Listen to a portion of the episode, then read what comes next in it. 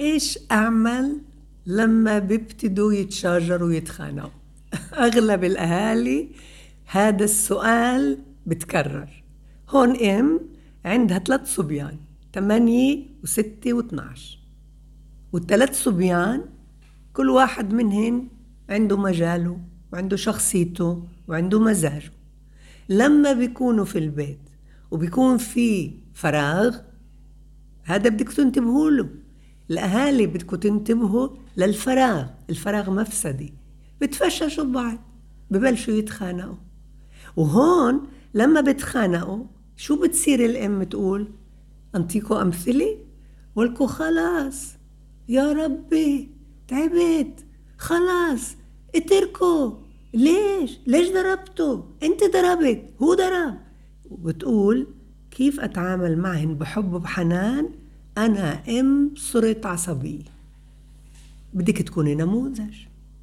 نموذج يعني مثل أعلى لإلهن وبدك تتوقعي.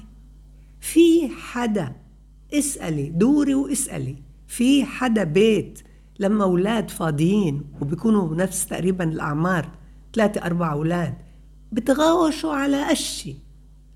بتغاوشوا على إيش مكان أنا بتذكر وهي يمكن بتساعدك كتير لما كانت الماما عندنا بالبيت تعملنا كعكة والكعكة كانت زمان تخلطها فيها شوكولاتة. لما تخلص كلنا نهجم على الجات اللي كانت تخلط فيها عشان نلحس. ومين لحس أكتر؟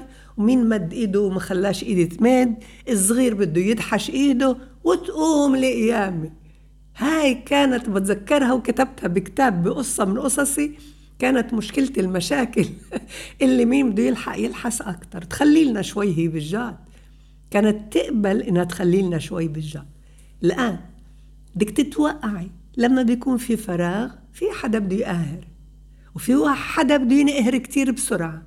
في حدا كتير بزعل أوام في حدا كتير كتير بحب إنه يسيطر على الجو ويخلي الجو يتكهرب. بدك تسب الحدث. بدل ما تقولي صرت عصبية وصرت تعبانة كتير وكيف أتعامل معهن مش عارفة وكيف أخليهم يعيشوا بحب وحنان مع بعض؟ لا هاي صورة مثالية. بتشوفيها بالأفلام بتشوفيها بالقصص أما بالحقيقة لا لأنه في مزاجات مختلفة وفي فراغ في فراغ.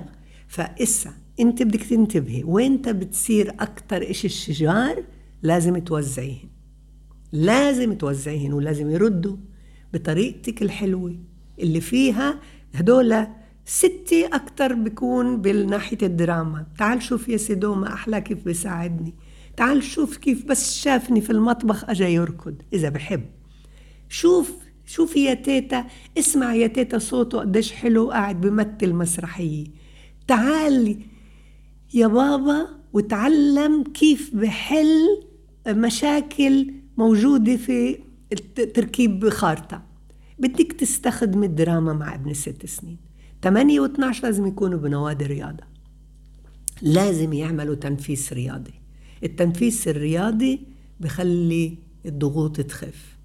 وبعدين لازم تكوني منتبهة لأنه في بساعات وجودهن في برامج اللي ملهيتهن. مش تلفزيون ومش تليفون.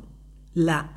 برامج ملهيتهن بطلع على حديقة عامة منروح مشوار بنمشي بنعمل برنامج مع بعض بنعمل لعب مع بعض بنقعد برا على الساحة ومنوفر بيئة نشاط حركي.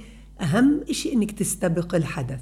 بعدين كتير منيح إنك تقعدي مع ابن 12 لحاله في الغرفة وهذا الولد هو اللي رح يعمل لك السلام. بإنك تمدحيه بسلوكه المستحب تذكري له قديش أنت عمالك بتنتبهي إنه عنده أنواع سلوك مستحب من ناحية رياضة من ناحية عقل من ناحية عاطفية من ناحية اجتماعية وبعدين تقولي له إيش أعمل لما بتصير في غوشي شو بتنصحني لما أنا بديش أنا ماما إني أمرض؟ أنا بديش إني أصير عصبية؟ أنا بدي أكون أم مثالية أنا بدي تحبوني. شو بتنصحني أعمل؟ لحاله بقول لك ماما اغمزيني أعطيني إشارة أعطيني إشي ألتفيه كتير الأولاد بتحب تتعاون لما أنت منتبهة إن أنا ولد عند حسن ظنك.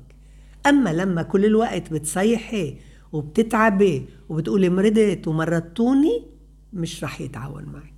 مش رح يقترح عليك. طيب ونفرض إنه أعطيتك إشارة وما رديتش شو أعمل؟ تيجي بتوشوشيني؟ ولازم إنك تكوني حازمة بتصدقوش يا أهل قديش الأولاد بحبوا النظام. بس على القليلة بحبوا بالنظام إنك أنت تكوني رايقة.